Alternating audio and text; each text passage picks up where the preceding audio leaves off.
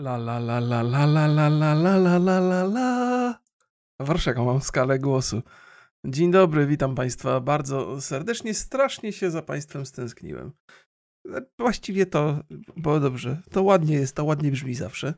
I z perspektywy Państwa na pewno jest super fajne. Ale stęskniłem się za gadaniem do, do, do mikrofonu. Wydawało mi się, że e, że nie mam o czym opowiadać przez ostatni tydzień, ale to wynikało głównie z, z, tego, że w takich średnich nastrojach byliśmy w domu. Ja myślę, że ta przedłużająca się e, zima, taka właściwie nie do końca piękna wiosna, trochę psuje nastroje. Ja miałem taki, już parę razy opowiadałem o tym, że mam jakiś taki gorszy, nie mogę z tego wyjść. Taki gorszy mam czas, gorszy mam okres. E, ale już chyba jest lepiej. Dzisiaj żeśmy zaczęli poranek od, od, od wyjścia na dwór ja myślę, że, że moje problemy głównie wynikają z tego, że nieustępliwe choroby są cały czas w, w, naszym otoczeniu. Raz moja córka, raz moja żona, raz ja i tak na zmianę i w kółko i w kółko. Nie możemy się tego pozbyć za Chiny. Tam raz w miesiącu jeździmy do, do, do lekarza, żeby jakieś antybiotyki dla naszej córki. Wiem, że antybiotyki nie są złe, ale lekarze wiedzą lepiej, ja nie będę dyskutował. No jest taki dziwny to czas strasznie. Ten, ten 2021 rok to zapamiętam, zapamiętam z tego głównie, że strasznie dużo chorób. No i teraz słońce się zaczęło robić. Zaledwie 3-4 dni temu zaczęło się robić słonecznie. Już częściej wychodzę na dwór. I dzisiaj rano w takich byliśmy wszyscy średnich nastrojach. I ja, i mój syn, i moja żona, i moja córka. Bo Boże ciało jest, nie? Czyli wolny dzień, wszyscy jesteśmy w domu. I mówię, siedzę tutaj na dole i mówię, a dobra, pójdę, pójdę, e, zetnę trawę, bo moja żona już mi zwracała na to uwagę, że powinienem. E, I zabrałem ich wszystkich na dwór i słońce świeciło, jest tam 23 stopnie i od razu się nastroje wszystkim poprawiły. Słowo daję. Znaczy naj, najbardziej pochmurny jest mój syn. To jest taki trzynastolatek z problemami. Okej, okay. więc on przeżywa tam różne rzeczy różne ma takie nastroje i rodziców postrzega jako te osoby, które właściwie są tylko po to, żeby mu utrudniać życie. Ja nie potrafię tego zwalczyć, nie potrafię tego zmienić. Staram się być otwarty wobec niego i rozmawiać o różnych rzeczach. No ale on czasami ma jakieś takie wtopy i trzeba go ochrzanić, trzeba mu powiedzieć, że tak nie. No i on słucha tego marudzenia starego ojca i zmęczony jest tym co jest oczywiste, nie? więc on jest takim przybitym nastroju cały czas. O, obniża morale w naszym domu, ale musimy to przeczekać. Ja, ja, ja nie, nie dziwię mu się, tak, tak szczerze mówiąc. On jest w takiej sytuacji, że ma trzyletnią siostrę, 10 lat młodszą od siebie, której poświęcamy bardzo dużo uwagi. Bo nasze dzieci to nie są takie dzieci, kurde, jak z katalogu, nie? To są takie dzieci, co... To są małe diabły. E, I to mam wrażenie, że każdy rodzic e, tak mówi o swoich dzieciach, ale akurat w moim przypadku to jest prawda. nie, nie, no serio, on. To ostatnio jechałem przez miasto. Z żoną żeśmy jechali przez miasto i widzimy matkę, która, za którą się wlecze czterolatek w bezpiecznej odległości, blisko ulicy, samochody pędzą. I ona sobie idzie w ogóle, ten dzieciak za nią posłusznie. Ja mówię, to jest w ogóle niemożliwe. Jest absolutnie niemożliwe, żeby w naszej sytuacji pozwolić sobie na to, by, by nasze dziecko na jakimkolwiek etapie życia między 1 a 7 wypuścić je swobodnie gdziekolwiek. Mikołaj to by od razu pobiegł na ulicę. Po prostu nie ma szans, żeby, żeby on nie miał żadnego instynktu samozachowawczego. Wszędzie się pakował. O Jezu. Czy w sklepie się potrafił zgubić, a któregoś razu, o, to wam opowiem, takiej historii wam nie opowiadałem, to taka, z moją żoną w Warszawie byliśmy, ja miałem jakieś tam sprawy do załatwienia biznesowe, ona, ona towarzysko e, przy, pojechała ze mną, e, no i poszli gdzieś do jakiegoś centrum handlowego. Moja żona stoi w kolejce, Mikołaj gdzieś tak obok niej i nagle zniknął. Eee, miał chyba siedzieć na jakiejś ławeczce. Moja żona patrzy, nie ma go na tej ławeczce. Rozgląda się, rozgląda, patrzy się i trochę dalej idzie. Mikołaj za, za rękę z jakąś panią. E, I się okazało, że ta babka podeszła do, do, naszego syna, zapytała, gdzie jest jego mama. Jak Mikołaj odpowiedział, że nie wie, to go wzięła za rękę i zaczęła go wyprowadzać ze sklepu. Jak, dzisiaj, jak sobie to przypominam, to mnie ciarki przechodzą, nie?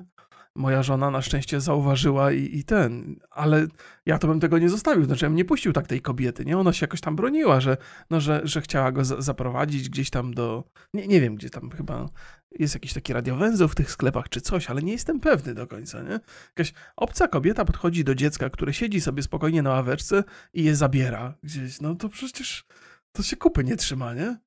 To jakaś dramatyczna sytuacja, nie? No, moja żona na szczęście zareagowała w odpowiednim momencie. No tak, jakby ona była świadoma tego, że, że naszego syna nie można było pozostawić bez opieki, no bo on jest szaleniec, ale tego to żeśmy się nie spodziewali totalnie, nie?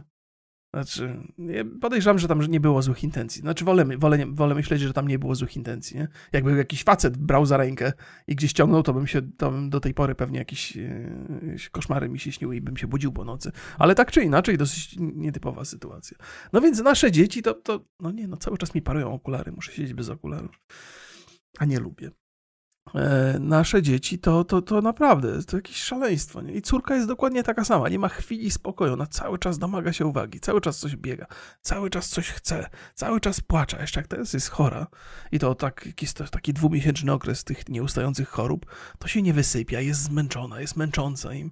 My jesteśmy kochający rodzice ale no po prostu w pewnym momencie są takie momenty, że już człowiek mówi, nie, no mam, do, mam dość, mam dość, niech to się skończy wreszcie. A co, powiem wam, że to się nie kończy, nie? Znaczy, jak patrzę na mojego 13-letniego syna, to owszem, on jest mniej absorbujący, ale wcale nie oznacza, że dostarcza nam mniej trosk. Wręcz przeciwnie. I to zawsze myślałem, że takie gadki, że małe dzieci, małe problemy, duże dzieci, duże problemy, myślałem, że to bzdura jest, że to takie tam pierdu, pierdu. Ale tak jest, no. I, i jeszcze żeśmy tak żeśmy sobie z żoną e, dziwnie to wymyślili, że, że, e, że no między naszymi dziećmi jest 10 lat różnicy, więc to nie ma tak, że odchowamy i mamy luz, nie? No, odchowamy jedno i potem trzeba odchowywać drugie. Tak zakładam, że trochę luzu będziemy mieli w okolicach 60, czyli za 15 lat, w sensie takim, że może dzieci się zaczną samodzielniać. Ja nie wiem, czy to nie za długo. Wiadomo, że teraz ludzie trochę starzeją się później. Ten wiek średni jest odrobinę później. Ja mam 44 lata od paru dni i czuję się wyśmienicie. E, czuję się dobrze, młodo się czuję. Nie mam takiego poczucia, że och. Ja oczywiście, jak jestem w internecie, to odgrywam trochę staruszka, bo to mi pasuje do, do, do wizerunku. No, wie, wiecie, trudno się wyróżnić czymś w internecie. Wiek może być takim wyróżnikiem. E, czasami na korzyść, czasami na niekorzyść. O, muszę się napić kawki. O, napite. No, więc, ale czuję się młodo bardzo, zwłaszcza ostatnio, jak, jak już od miesiąca ćwiczę bardzo, bardzo intensywnie, tak 40 minut dziennie, także praktycznie pod ze mnie cieknie po każdym, po każdym e, treningu. Muszę, muszę wziąć prysznic, ledwo chodzę. Eee, znaczy to właściwie po każdym treningu powinno się być prysznic, to nie jest nic nadzwyczajnego. Może nie powinienem opowiadać o tym, jakby to była jakaś wyjątkowa sytuacja, że muszę wziąć prysznic. No więc, więc ćwiczę, bawię się, bawię się dobrze z tym, z tym Ring Fitem na Nintendo, który mi pomaga, tak. On, ten, on przede wszystkim dostarcza ćwiczeń, które są znośne, to poczucie zmęczenia jest y, zauważalne, ale nie przeszkadza tak bardzo, ćwiczenia nie są nudne, to jest, to jest duży plus. Y, a przy okazji moja rodzina jest przy mnie, kiedy ja ćwiczę i śmieją się ze mnie i moja córka czasami też ćwiczy ze mną i mnie to bawi, mi to nie przeszkadza, że, że ktoś patrzy jak ja ćwiczę i się ze mnie śmieje. Znaczy ktoś bliski, nie? Bo Opowiadałem chyba już wam, że, że ja mam jakieś takie uczulenia i muszę mieć bardzo ciasne ciuchy przy tych ćwiczeniach. Wyglądam strasznie, to znaczy po prostu... Moja żona mówi, no dobrze wyglądasz, dobrze, to w takich ciuchach najlepiej się ćwiczy. Ja mówię, a jakbym wyszedł tak na ulicę, o to nie, to, to nie, to lepiej nie. Wyglądam strasznie, Boże. To jest też tak, że, że nawet człowiek, który jest szczupły, e, to gdzieś tam ma jakieś takie nierówności. Nie wyglądamy jak modele z Instagrama, nie? E, I w życiu, no. I zawsze jak ma te ciuchy na sobie, które są dobrze dobrane, to, to wygląda w nich dużo lepiej niż, niż, niż bez tego albo niż w obcisłych. No a ja jeszcze mam sporą nadwagę. 100 kg to jest, to jest nadal dużo. W zasadzie, no, to też Państwu powiem, 100 kg, to jest, to jest nadal dużo. I mimo, że ja jestem nie najgorzej umięśniony, w sensie takim, że ten, te, moje, te moje nadwyżki wagowe są dobrze rozłożone po całym ciele, no to mam takie miejsca, które wolałbym, których wolałbym publicznie nie pokazywać, nie? A w tych obcisłych ciuchach po prostu wszystko tak boleśnie, e, niezaprzeczalnie jest widoczne, jak staję przed lustrem po ćwiczeniach, patrzę na siebie, to mówię, o panie, rozbijcie to lustro, bo przecież wpadnę w depresję. Ale nie, jest, jest okej. Okay. Jest, jest okay. ale też muszę przyznać, że po tym miesiącu ćwiczeń mm, przybyło mi 2 kg, nie? co mogłoby być oburzające, gdyby nie fakt, że, że mm, no tak obiektywnie mówiąc wyglądam lepiej, w sensie lepiej wchodzę w koszulki o rozmiarze L. Do tej pory tak lawirowałem między XL a L, już tak kierunkując się powoli na L-ki, E, ale tak czasami były przeciasnawe, a teraz bardzo dobrze leżą, więc jestem zadowolony. Wręcz powiedziałbym, że w niektórych miejscach te elki są za duże. Moja żona tak patrzy na mnie ostatnio, mówię, zobacz, tutaj coś za szeroka dla mnie ta koszulka w ramionach. Ona mówi, ty powinieneś MK już mieć. Ja mówię, ty chyba jesteś, chyba jesteś niepoważna. Znaczy, może, może faktycznie w barkach powinienem MK mieć, ale, ale w brzuchu muszę mieć Elkę. To nie ma w ogóle, nie ma zmiłuj się. w takim wieku jestem, że niestety yy, odkłada się na brzuchu więcej niż kiedyś w przeszłości, więc muszę bardzo uważnie na to zwracać uwagę. Bardzo uważnie muszę na to patrzeć. Ja często opowiadam, często opowiadam o, o y, nadwadze, o chudnięciu, o ćwiczeniach, bo to jest bardzo ważne dla mnie y, życiowo, w sensie takim, że ja za zawsze lubiłem być sprawny. Ja, nie wiem, może ja też pochodzę z takiego pokolenia, że nie potrafię się pogodzić z utratą sprawności. Oto jakoś nigdy nie miałem problemu z tym, że mój wygląd nie do końca przystawał do tego, co na Instagramie się pokazuje. E, ale, ale zawsze lubiłem być sprawny. Ja mam zawsze takie poczucie dziwne właściwie, że, że żyjemy w cudownych czasach, ale że mam takie poczucie zagrożenia jakieś. Nie wiem, czy to jest przez to, że się tak e, zaczytuję w takie katastroficzne książki, czy jakieś tam science fiction, tam zawsze jakaś. Zawsze w tych, przez tych pisarzy naukowych, e, niezależnie od tego, w jakiej przyszłości się znajdujemy w danym momencie, w danej książce, to zawsze gdzieś tam po drodze się przydarzyła jakaś katastrofa. Ja mam takie poczucie, że że w zasadzie chyba wszystko dobrze się układa. Ludzie są na tyle rozważni, żeby nie rozwalić tej rzeczywistości, w której żyjemy, ale że, że jakby historia potwierdza, że trochę w takiej funkcjonujemy e, sinusoidzie jako, jako ludzkość, że, że budujemy, budujemy, a potem rozwalamy. I na tych ruinach znowu budujemy, budujemy i rozwalamy. I za każdym razem budujemy trochę lepiej niż poprzednio. Tylko też technologia się zmienia i obawiam się, że to, to rozwalanie może być któregoś razu tak skuteczne, że się nie pozbieramy. Nie? Ale może nie. Może nie. Ostatnio bardzo dużo się o UFO mówi, nie wiem, czyście, e, czy, czy żeście zauważyli. To nie są takie tematy, którym, którym ja bym się super mocno interesował, ale zerkam z pewną ciekawością.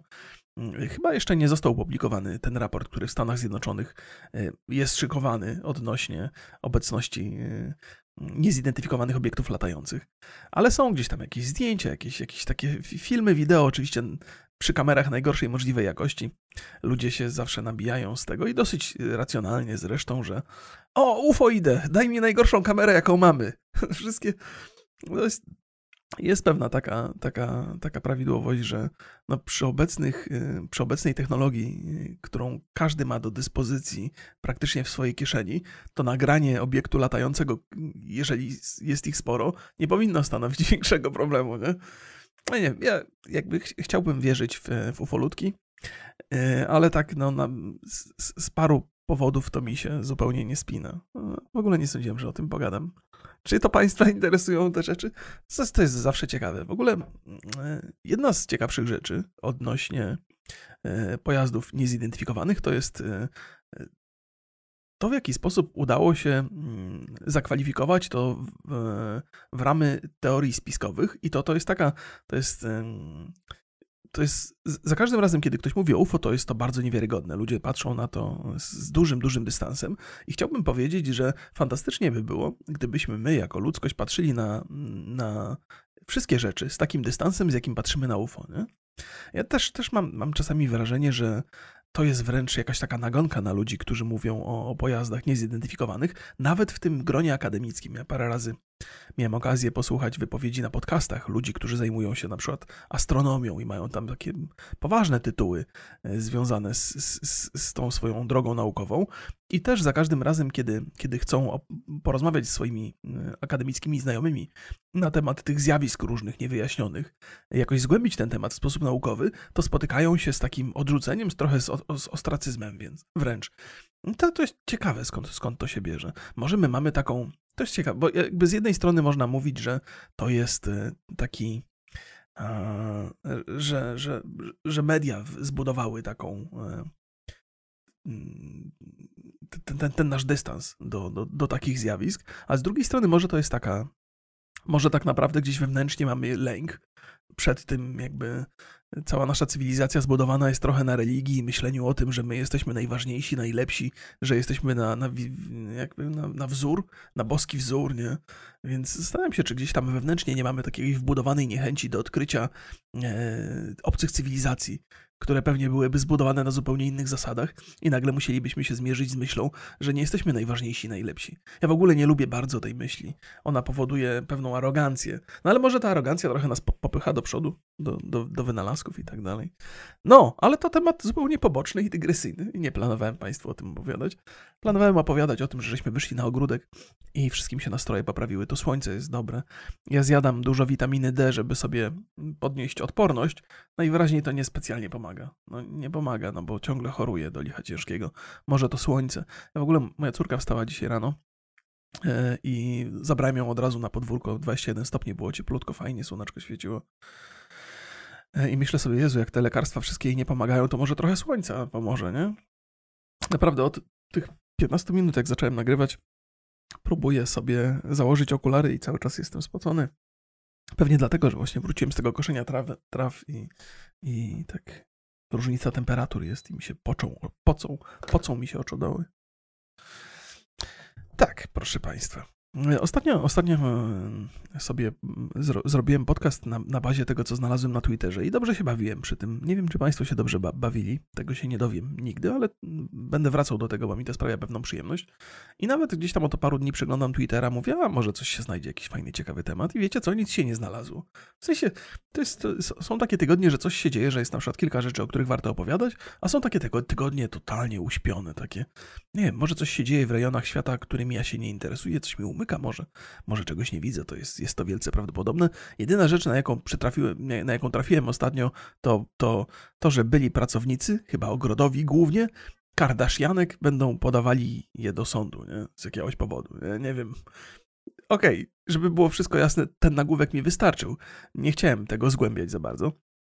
Ale to była jakaś rzecz, która trendowała na Twitterze.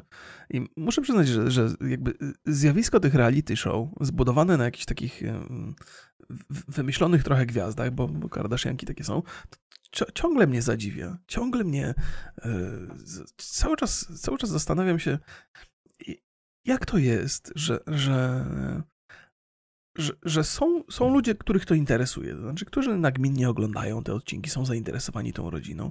I myślę sobie, jakby do tego stopnia mi to umyka. Znaczy, jeżeli popatrzę na to trochę z zewnątrz, to, to chyba jestem w stanie sobie to wytłumaczyć. Nie? Jakby rozumiem ten cały proces, że to jest bardzo ciekawe, kolorowe życie, tam się dużo dzieje. Często ludzie mają takie. Mm, właściwie nie robią może nic ciekawego w życiu, są znużeni trochę tym, tym jakim się potoczyło, potoczyły losy i mają pewną przyjemność w oglądaniu tego.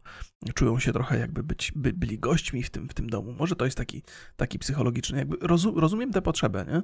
Ale, ale, ale umyka mi to jednak, że, że jest tyle fajnych zajęć, tyle fajnych rzeczy, które można robić. Wiecie, ja też, ja też mnóstwo czasu marnuję na jakieś gierki, na jakieś seriale, na jakieś e, czytanie książek, czy, czy jakieś inne wygłupy, ale chyba nie, nie byłbym w stanie siedzieć i obserwować e, życia totalnie obcych ludzi. Nie? I tak sobie też myślę, że jaka jest recepta na to, na taki sukces reality show? I, I, w zasadzie wydaje mi się, że każdy, że można było każdym zrobić takie reality show. Tam ekipa realizacyjna jest na tyle e, rozsądna, że oni wiedzą, co filmować, wiedzą, jak to, z, z, e, wiedzą, jak to zmontować, żeby to potem było interesujące. I że o każdej rodzinie można by było zrobić coś takiego. No, Przydałoby się, gdyby ta rodzina gdzieś była pod pewnymi względami kontrowersyjna, jakieś sekstaśmy, wiadomo, robią swoje.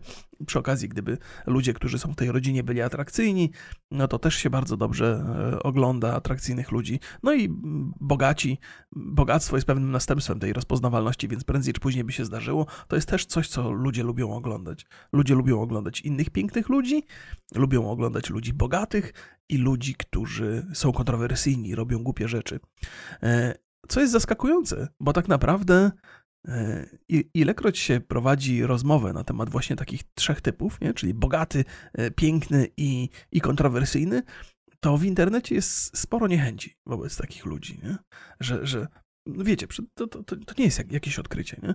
Kardashianki spełniają wszystkie te e, wszystkie te postulaty, nie, postulaty to złe słowo, wszystkie spełniają kwestie, do, do pewnej internetowej niechęci. Nie? Za te rzeczy normalnych ludzi się nie lubi. Nie? Wobec bogatych jesteśmy podejrzliwi. To jest wbudowane w naszą naturę. Ja nie mówię, że teraz o, siedzimy, słuchamy podcastu, i, ale gdzieś z tyłu głowy mamy jakiegoś bogatego człowieka albo jakąś piękną kobietę, których nienawidzimy dla zasady. No nie, nie.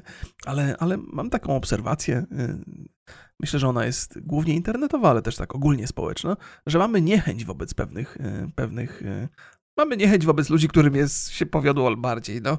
To jest, okej, okay, to nie, nie, świadczy o nas tak źle, nie? Trochę jesteśmy zazdrośni, nie wszyscy jesteśmy zawistni.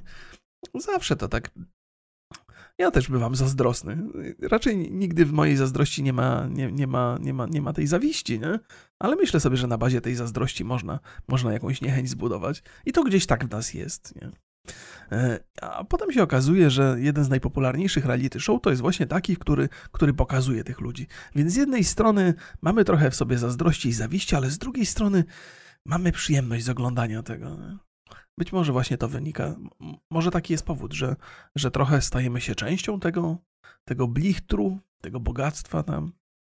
To jest ciekawe zjawisko. Ja myślę, że nie jeden podręcznik powstał na ten temat. I zamiast wymyślać, zgadywać i opowiadać swoje historyjki, to powinienem trochę poczytać. Nie?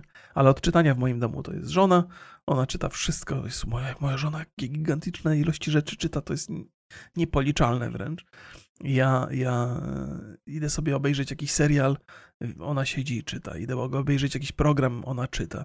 Idę pograć w grę, ona czyta. I to wszystko, ten cały czas, który ja marnuję, to ona poświęca na czytanie. Ja nie wiem, gdzie się to wszystko mieści w głowie. To jest. To jest niebywałe, niebywałe. Bo to, wiecie, ludzie mają z reguły różne zainteresowania, nie? Ja lubi szydełkować i sobie poczytać, drugi sobie lubi pooglądać seriale i sobie poczytać. Ona tylko siedzi i czyta, i siedzi, i czyta, i siedzi, i czyta. Oczywiście jest cały czas dostępna, jakby obecna w domu, nie? To nie jest tak. To też jest trochę jej zazdroszczę. W sensie nie to, że zazdroszczę jej czasu, który ma na czytanie, tylko, że ma ochotę czytać aż tak dużo. Miałem taki, pamiętam, miałem parę takich okresów w życiu. Ja bardzo specyficzną literaturę lubię, taką, która nie za bardzo nakłania do myślenia. Pozornie tylko, bo tak naprawdę gdzieś tam każda książka napisana przez człowieka, a z reguły tylko z takimi mamy do czynienia, pokazuje trochę jego wizję, jego sposób patrzenia na rzeczywistość, jego sposób patrzenia na innych ludzi, więc to zawsze jest interesujące. No, coś mi się odezwało tutaj. Więc niezależnie od tego, jaką literaturę lubicie, to tam jest, jest, jest to, to ma prawo poszerzać horyzonty. No ale aż tyle czytacie, jak e, w Bolesławcu, jak byłem młodym człowiekiem, w Bolesławcu była taka biblioteka, księgarnia, nie biblioteka, do której często chodziłem, to przeczytałem tam wszystkie książki science fiction i fantazy, jakie były. I, i potem miałem taki straszny niedosyt, nie mogłem nic znaleźć, co, co, co było do przeczytania. Miałem wtedy przerwę, ale to też były takie czasy, kiedy, kiedy się zaczął wolny rynek i zaczęły powstawać takie niezależne księgarnie, które rozprowadzały książki już takie właśnie trochę science fiction, trochę fantazy, więc, więc miałem coś, czyta, coś do czytania, bo, bo wcześniej pierwotnie jak w tej bibliotece się wypożyczało, to głównie był, była albo rosyjska fantastyka, albo Stanisław Lem, albo taka starsza polska, polskie science fiction, które było dużo ambitniejsze niż, niż, niż teraz obecnie. E, takie naprawdę głęboko filozoficzne, zresztą wiecie jaki Stanisław Lem był podejrzewam, że nawet jeżeli żeście nie czytali, to, to wiecie, no, że to był taki myśliciel bardzo. I, I te książki były oczywiście ciekawe także z fabularnego punktu widzenia, ale były takie, nie sądzę, bym mógł wiele zrozumieć, e, będąc młodym człowiekiem i mam takie poczucie, że najwyższa pora powoli wrócić do Lema, tym bardziej, że Lem to jest ten, ten 2021 to jest rok Lema, nie? Więc może to być dobra okazja, ale może nie znajdę czasu. A jeszcze dużo, dużo, dużo, e, dużo czasu przede mną, podejrzewam. Chyba, że mnie załatwi druga szczepionka e, moderna. No, nie sądzę, ale mam swoje obawy. Ludzie, ludzie, którzy Antyszczepionkowcy są strasznie święci na mnie, że ja tak lekceważąco podchodzę do zagrożeń, ale to nie jest tak. Ja wiele razy mówiłem o tym, że ja, ja się boję, ja się martwię, oczywiście to jest ryzyko. Mam nadzieję, że się nic nie przydarzy i mam nadzieję, że e, świat ruszy do przodu swoim normalnym tempem. E, no i też uważam, że tam no, trzeba się trochę poświęcić, nie? trzeba trochę zaryzykować dla wyższego dobra. E, to jest, to jest główna rzecz, która mnie napędza. Ale też muszę przyznać, że irytują mnie takie wiadomości. Bardzo często zdarza się, że widzę jakąś informację, że młody człowiek umarł, nie? I nie piszą, dlaczego umarł. I jak widzę, że nie piszą, dlaczego umarł, to podejrzewam, że właśnie to są jakieś komplikacje po, po, po szczepionce. I często się to, z, z, że, albo z powodu wirusa umarł, albo z, z powodu komplikacji po szczepionce.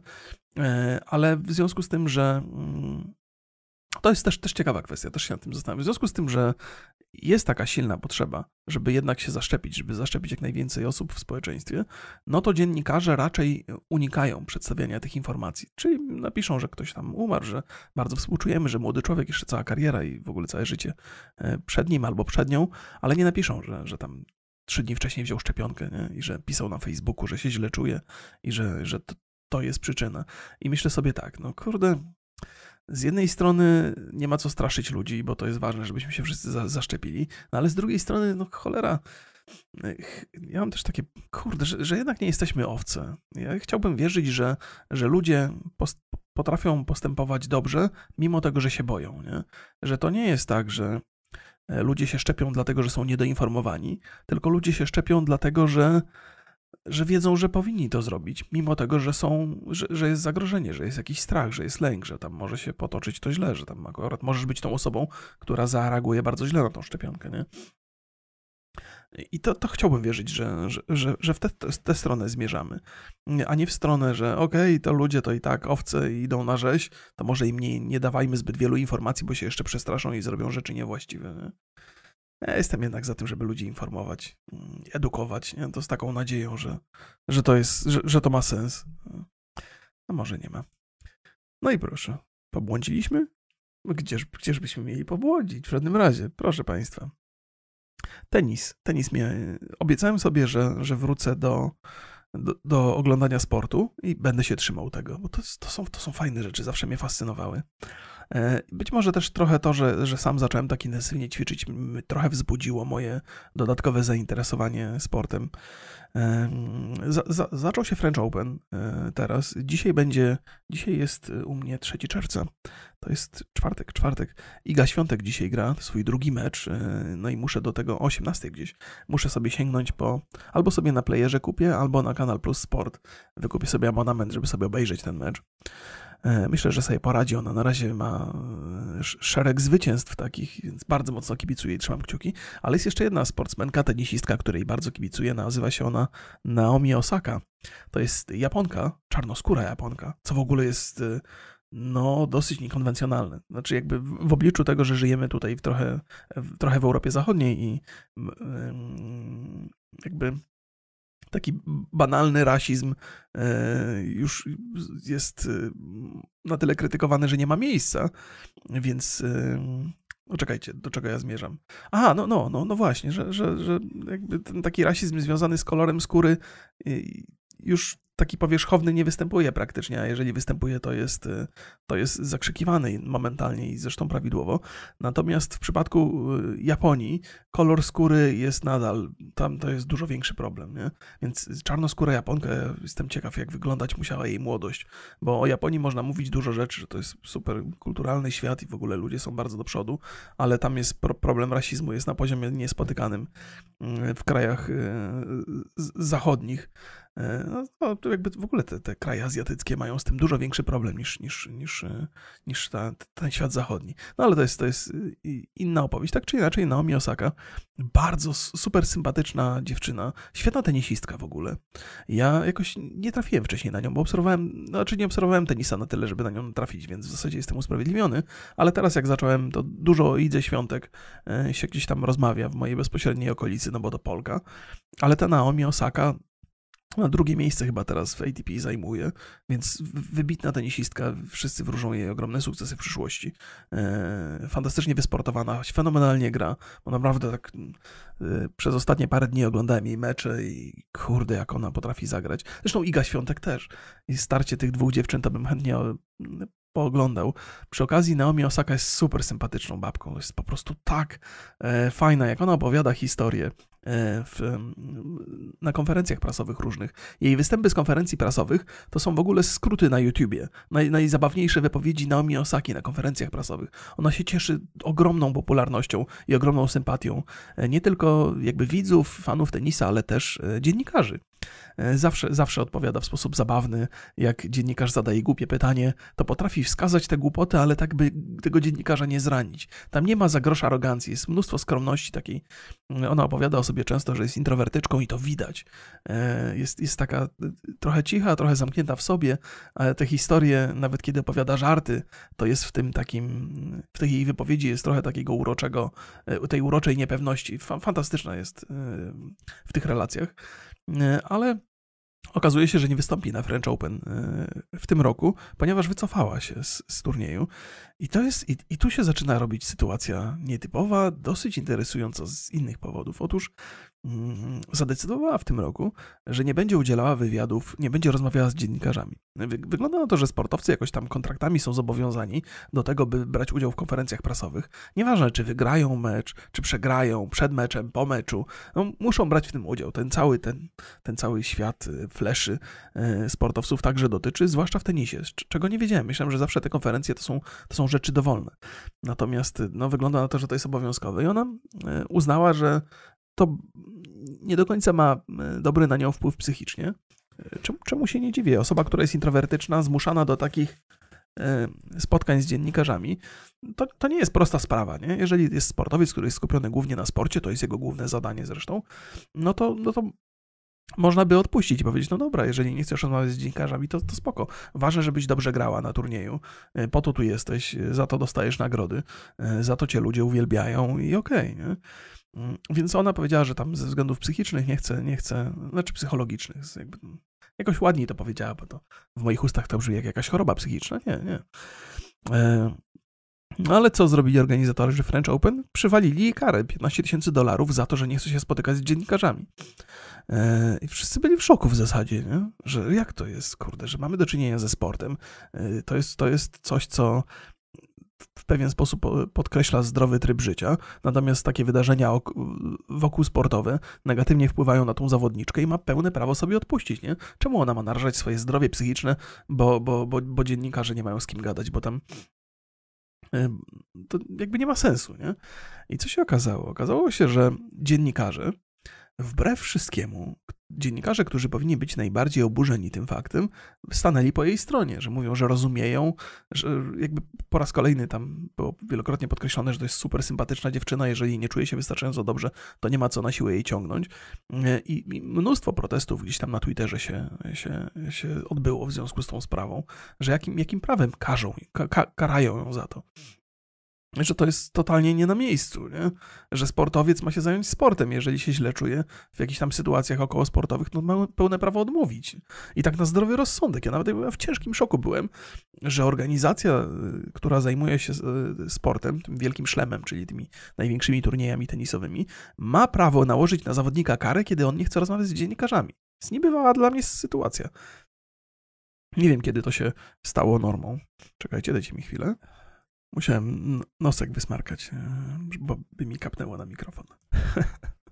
Dzisiaj wyjątkowo cicho mówię, prawda? Przepraszam, spróbuję to jakoś pogłośnić e, w, w montażu. Takim, takim jestem nastroju.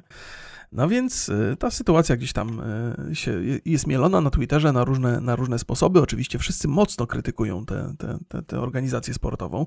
Ta organizacja za to, ja nie wiem jak oni się nazywają dokładnie, więc dlatego mówię organizacja stają oczywiście twardo na swoim stanowisku, że obowiązek ma zawodnik i koniec. E, no i tutaj się e, Naomi Osaka w pewnym momencie odzywa i mówi, że wycofuje swój udział z, z French Open, że bardzo przeprasza wszystkich, że nie, nie chciała, żeby, żeby takie ważne wydarzenie jak ten e, turniej Wielkiego Szlema toczył się w cieniu jej tam problemów z dziennikarzami i problemów z, z, z tym, z tym z, z, Boże, z tą organizacją, nie? I, I się wycofała i tam jak, się czyta jej ten wpis, on jest dosyć długi, ja teraz nie będę go całego przytaczał, to widać po raz kolejny to, że ona autentycznie myśli o, nie o sobie i teraz, żeby pokazać, a to wy mi nie, każ, wy, wy mi nie, nie dajecie karę, to ja się teraz możecie mnie pocałować w dupę i ja nie będę teraz występowała. I co zrobicie teraz? I co zrobicie, cwaniaki? Więc nie, nie ma. Ja, ja, na początku, jak usłyszałem o tej sprawie, to pomyślałem, a to ona teraz, kurde, powinna im zrobić na złość i się wycofać z tego turnieju. Ale jak ona się wycofała z tego turnieju, to zrobiła to z klasą, dużo wyższą klasą niż mm, mnie na przykład byłoby stać. Nie? Bo ja, ja, ja bym ze złośliwości się wycofał. Ona napisała właśnie, że, że to najważniejsze dla niej jest to, żeby te, te zawody się odbywały w jakiejś takiej czystej, spokojnej atmosferze i że ona autentycznie źle na nią wpływają te rozmowy z dziennikarzami y, i, i to jest główny powód, dla którego się wycofuje, ponieważ nie chce się na to decydować. Nie? I pomyślałem sobie, kurde, to jest. Dobrze ją rodzice wychowali. Nie? Świetnym sportowcem, przy okazji fajną osobą. Jak mówię, tych wywiadów się nasłuchałem z nią mnóstwo, więc widać po niej, że tam możecie powiedzieć, że każdy udaje przed kamerą, ale to nie jest takie proste. Zwłaszcza jeżeli ktoś jest mistrzem tenisa, a nie mistrzem kamery. Nie? Więc dużo, dużo radości i przyjemności sprawiło mi to, że, że ją poznałem tak trochę, bo to napełnia mnie nadzieją e, w, w przyszłość, dobrą przyszłość ludzkości, nie? że tacy ludzie też są. Z reguły, kiedy informacje do nas trafiają z internetu, to mamy takie poczucie, że najbardziej aroganckie, najbardziej egoistyczne, najbardziej ambitne jednostki wybijają się do przodu i to nie są ludzie sympatyczni. Dziennikarze opowiadają o, o ludziach, którzy nie są fajni, którzy, którzy robią rzeczy złe. Jest, jest, jest bardzo takich Taki jest negatywny przekaz na temat ludzkości, płynący z mediów. Ja wiem, że to się klika, bo sam klikam na takie rzeczy, ale zobaczyć taką dziewczynę, która, która potrafi w ten sposób taki cholernie sympatyczny, ciepły wypowiadać się na temat tego, co robi. I z, i z taką radością, mimo tych wszystkich problemów, to jest takie na, naprawdę, serce rośnie. Takich rzeczy powinniśmy mieć więcej. Tylko problem polega na tym, że dziennikarze nie chcą o tym pisać, bo ludzie nie chcą na to klikać. Nie? To jest, to jest, to jest w ogóle tak, bo możemy dużo, możemy mocno narzekać na algorytmy e, internetowe, że to one nam podrzucają tego syfu, ale, ale to jest taka jest prawda, że one nam podrzucają dokładnie to, czego szukamy.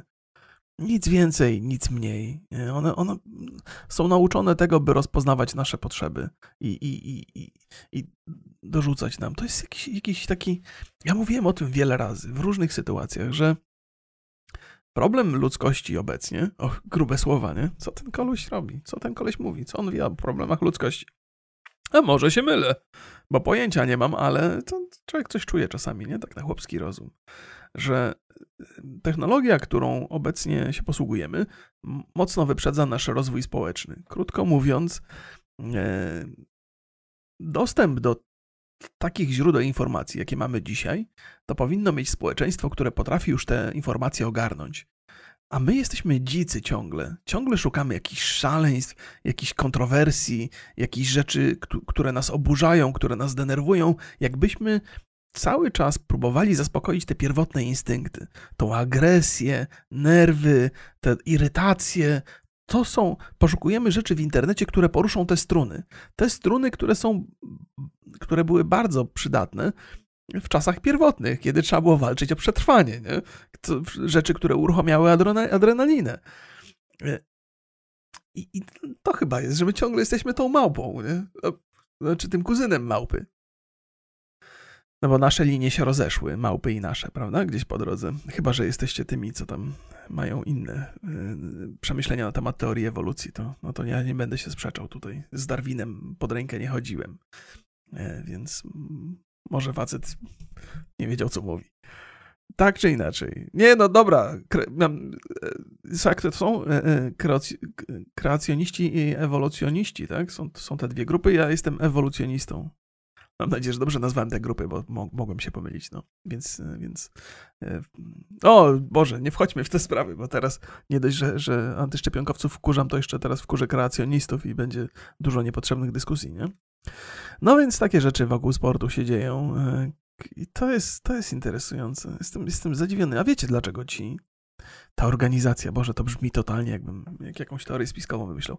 Ta organizacja mrocznych yy, włodarzy tenisa to oni, dlaczego oni chcą, żeby ci, e, żeby ci sportowcy występowali? Bo jest wokół, bo, bo, to jest właśnie taka sensacja, której czasami na korcie brakuje. Kort, w ogóle tenis, mimo tego, że od czasu do czasu zdarza się jakiś zawodnik bardzo kontrowersyjny, taki McEnroe był na przykład kiedyś tam dawno temu, że robi dużo zamieszania na korcie, Agassi też jak był młodszy, e, że jest hałasu, dużo krzy, krzyków, kłótni, to akurat McEnroe, Agassi to nie był taki kłótliwy, ale był bardzo widowiskowy. Jakby budował sensację taką nie tylko w ramach sportu, ale także wokół, nie? Takiej kontrowersyjnej trochę osobowości, albo może widowiskowej osobowości. E, I, I, w tenisie tego brakuje. Tenis to jest taki sport, który jest oczywiście bardzo angażujący fizycznie, ale też wymaga skupienia, myślenia strategicznie.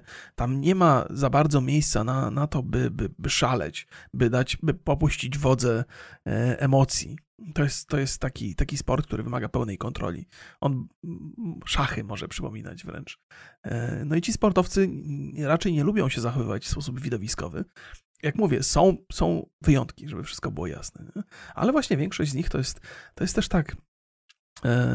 To że, to, że Naomi Osaka jest e, kontrowersją, że jest introwertyczką, podejrzewam, że to nie jest cecha, którą którą ona ma, Boże, że to nie jest cecha, e, że to jest cecha, którą podziela więcej tenisistów. Ja opowiem wam trochę swoich historii związanych z, z, z, tenisem. Kiedy ja ćwiczyłem i od początku były to treningi z, takie z, myślą o zawodowym e, graniu, więc wyczynowo uprawiałem sport, to 90% mojego czasu było przeznaczone na tenis. Znaczy, jeszcze zanim poszedłem do szkoły, to od rana do wieczora siedziałem na kortach. Miałem kontakt tylko z trenerem i z niewielką grupą osób, które trenowały razem ze mną. W szkole podstawowej wcale się nie zmieniło to. Oczywiście chodziłem do szkoły na zajęcia, odrabiałem lekcje, ale każdy wolny czas spędzałem na korcie.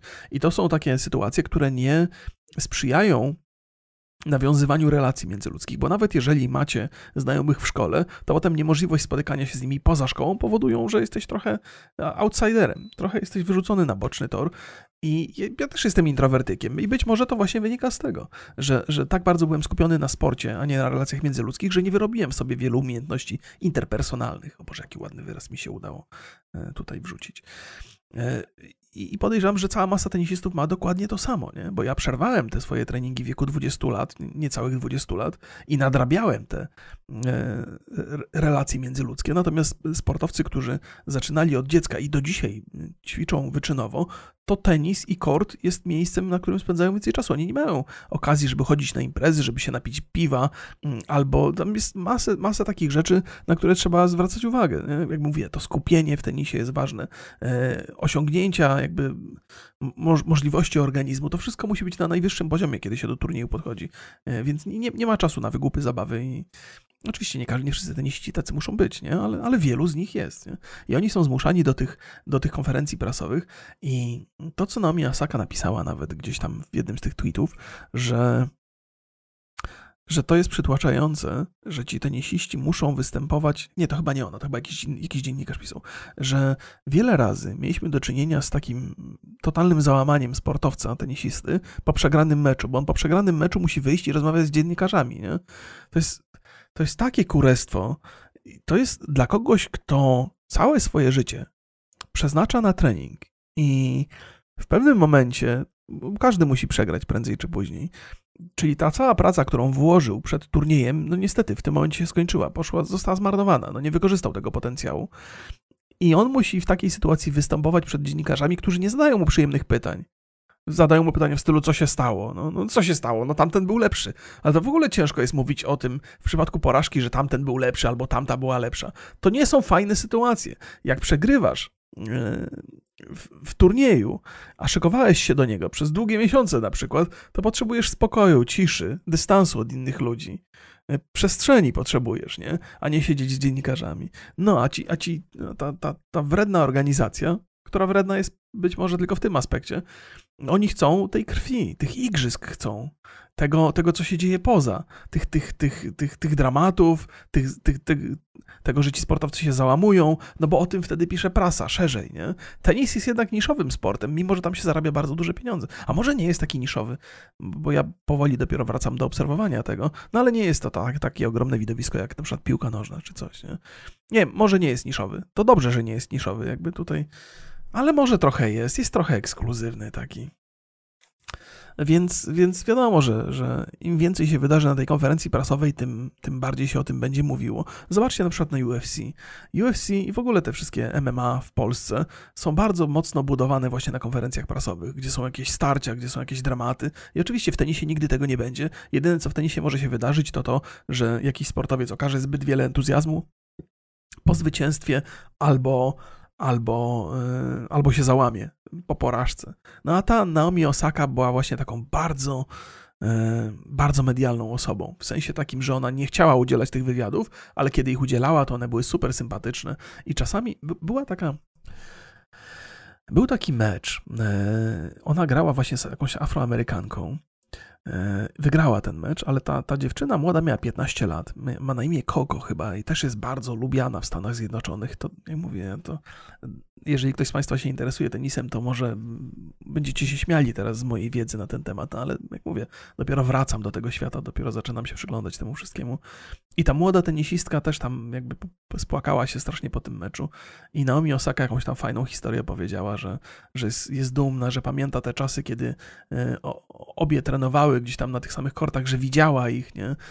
I że bardzo cieszy ją to, że, że nadal mogą e, jakby że obie osiągnęły ten poziom, by tutaj walczyć na tym turnieju, nie? by pokazywać na co je stać, by jeszcze, jeszcze się rozwijać. Nie?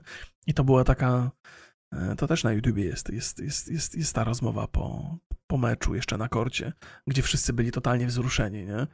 Że, to nie tylko było że to nie tylko było widowisko sportowe, że nie tylko to był dobry mecz, ale to, co się wydarzyło po meczu, jakby powodowało, że serca rosną. Nie? To jest coś takiego, że, że dobry sportowiec, jeżeli przy okazji jest to dobry człowiek, dobrze wychowany, to potrafi zagrzać ducha człowieka, widza, nie tylko swoją sportową e, swoimi sportowymi możliwościami, ale też swoją osobowością. Nie? To, jest, to jest w sporcie takie, takie wyjątkowe i fantastyczne. I dlatego nienawidzę kibolstwa. To jest coś, o czym mówiłem Państwu wcześniej, że kibice, którzy się nie potrafią zachować, to nie powinni być w ogóle wpuszczani na żadne, na żadne mecze, na żadne... No nie, nie, to jest, to, jest, to jest tragedia. Nie rozumieją jakby całej istoty, że sport ma nas budować, nie? Ale to też jest, widzicie, no, to jest takie proste, że Sportowcy też nie są święci. Te wszystkie sprawy z nałogami, nie z nałogami, tylko z, z tymi, Boże, e, jak się nazywa? E, dopingami. Dopingami, no to też są takie, też rujnują sport bardzo mocno. I część sportowców e, jakby uczestniczy w tym, e, bo, bo nie mają wyjścia, bo wszyscy inni dookoła biorą.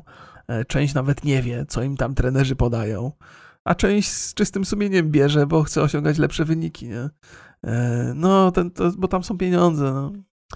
To jest też tak. E, mam nadzieję, że nie zniszczymy tego, że nie zrujnujemy tego. Jest dużo fajnych, dużo fantastycznych e, rzeczy, które robią ludzie.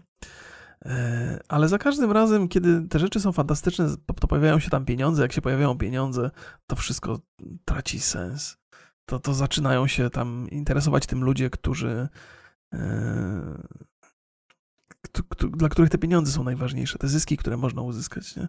Że, że to jest tak, jak to się mówi ładnie, że z jednej strony budujemy rzeczy wspaniałe i cudowne, a z drugiej strony korumpujemy je tak strasznie, e, kiedy zaczynają przynosić zyski. A może to jest też coś takiego, co, co będzie się zdarzało nieustannie, że że, że, że, zrobimy coś fajnego, potem to zrujnujemy, a potem kolejną rzecz zrobimy fajną. To jest może ta sama sinusoida, o której mówiłem na początku odnośnie cywilizacji. Że coś budujemy, potem niszczymy, potem znowu budujemy coś lepszego i znowu niszczymy. Może tak samo jest z takimi błahymi rzeczami, nie? Z, ze sportem, ze szlachetnym sportem, z miłością, z relacjami międzyludzkimi. Może w takich, może w ogóle wszystko w naturze się odbywa na tej zasadzie, że coś rośnie, umiera i potem rośnie silniejszy. Ja, kurde, proszę Państwa, sprowadziłem Was. Sprowadziłem Was na manowce. Tutaj.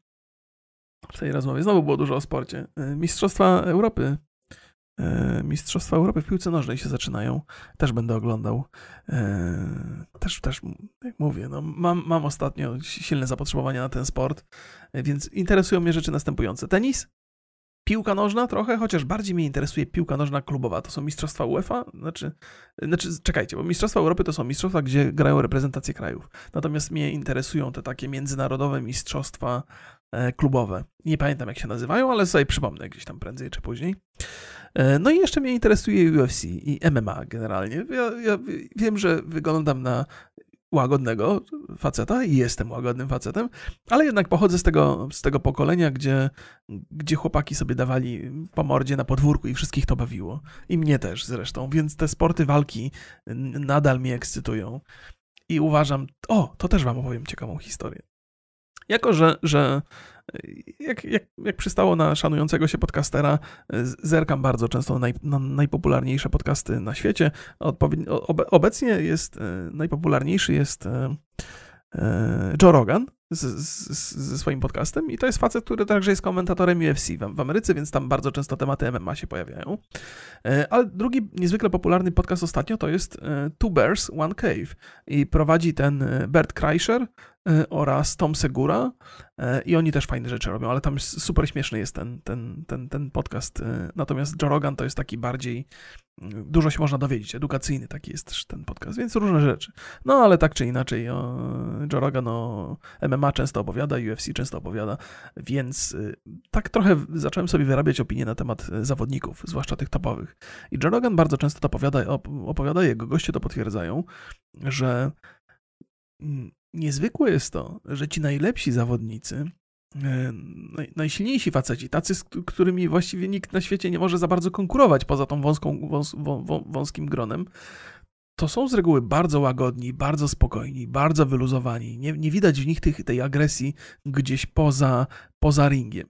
E, I oczywiście pojawia się pytanie, dlaczego? Jak to jest, że oni przecież na takim testosteronie chodzą, że tam wchodzą, wyglądają jak potwory, czasami zachowują się jak potwory, to dzicz jest totalna ale okazuje się, że, że to są faceci, którzy się czują ultra bezpiecznie w swoim otoczeniu. To znaczy, niewiele jest zagrożeń.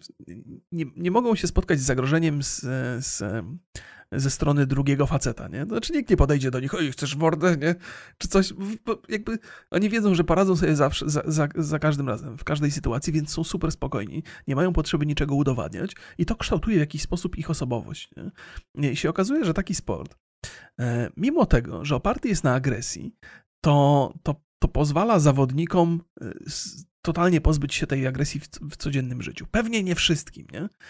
Mm, I to jest, to jest interesujące. Jakby ja wiem, MMA to jest coś, co się, co się w, Polsce, w Polsce się e, rozwija dopiero, ale miałem, miałem dwóch takich znajomych, którzy chodzili do klubu, no, uczyli się walczyć. Nie? I jeden z moich znajomych, ja miałem z nim taką rozmowę, właściwie chyba żeśmy się na Messengerze wymieniali informacjami. Mam nadzieję, że dobrze to przytoczę, bo czasami e, człowiek przez pryzmat swoich własnych spostrzeżeń ocenia to, co usłyszy od innych.